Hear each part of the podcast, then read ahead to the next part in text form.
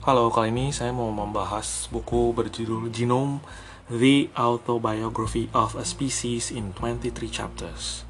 Ditulis oleh Matt Ridley dan sudah ada versi bahasa Indonesia-nya dari perpustakaan populer Gramedia. Sudah bisa ditebak judulnya mengenai gen.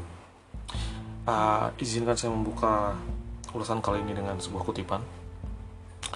Jika kromosom Anda dideretkan sepanjang hatulistiwa, maka perbedaan antara sehat dan sakit atau waras dan gak waras itu bedanya hanya satu inci saja.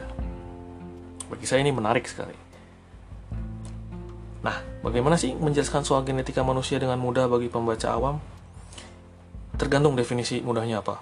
Kalau terbiasa membaca majalah National Geographic atau artikel ilmiah populer di media sosial, sebenarnya buku ini gampang dipahami tapi kalau misalnya tidak pernah membaca artikel ilmiah populer dan tidak punya kebiasaan membaca buku non fiksi, apalagi misalnya ya eh, sama sekali malas mengingat waktu di sekolah tuh belajar biologi ngapain aja gitu, ya susah bukunya. Dan ini nggak ada cara yang paling gampang untuk menjelaskannya. Walaupun menurut hemat saya, buku ini udah sangat bersahabat dengan pembaca awam. Jadi udah nggak seperti uh, jurnal ilmiah yang bahasanya beribet dan hanya dipahami oleh orang-orang tertentu saja. Sayangnya emang nggak ada pengibaratan yang menyenangkan untuk mereka untuk membuat mereka yang jarang membaca agar lebih paham soal hal ini. Menurut saya sih, dunia nggak ada kewajiban menyesuaikan diri dengan pemahaman manusia di dalamnya, tapi manusia yang harus menyesuaikan diri dengan ilmu pengetahuan yang ada di sekitarnya. Kalau bisa saya singkatkan, genetika manusia adalah seperangkat lengkap gen yang terdapat dalam 23 pasang kromosom. Ini adalah cetakan biru siapa kita sekarang. Genetika manusia ini tidak ubahnya bagi sebuah skrip coding biologi yang bisa berjalan di berbagai sistem operasi. Sistem coding yang bisa menulis dan menghapus diri sendiri dalam sebuah percobaan lancar atau enggak yang sudah berjalan selama 500 juta tahun. Dari penelitian soal genetika ini, evolusi manusia dan keanekaragaman hayati semakin kuat buktinya.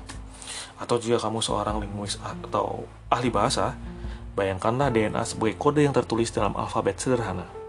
Dengan melihat susunan tulisannya, terpampang nyata sejarah manusia.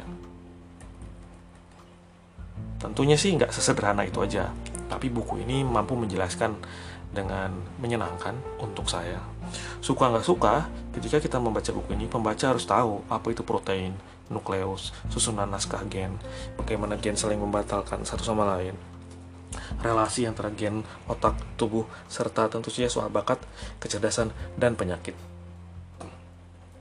Keindahan buku ini tuh ada dalam detail-detailnya.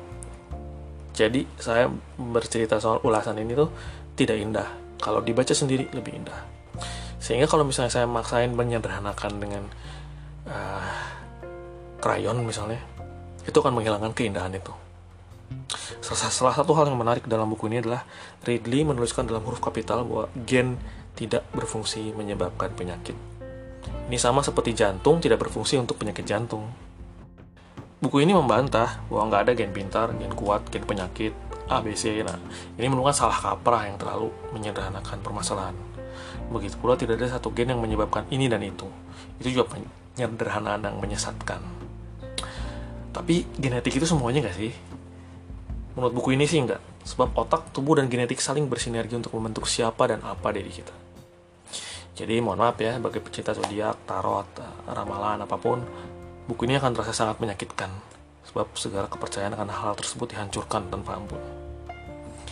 Menurut saya, ini buku yang pas banget dibaca setelah memahami Sapiens, karena akan saling melengkapi.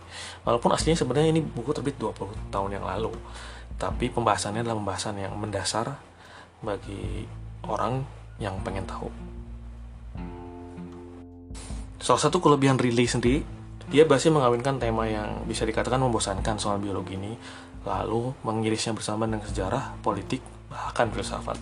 Buku ini menjadi sebuah dasar yang bagus untuk pertanyaan-pertanyaan yang tepat di masa depan soal kemanusiaan itu sendiri.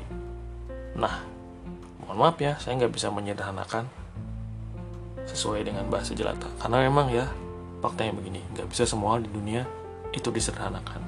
Terima kasih sudah mendengarkan.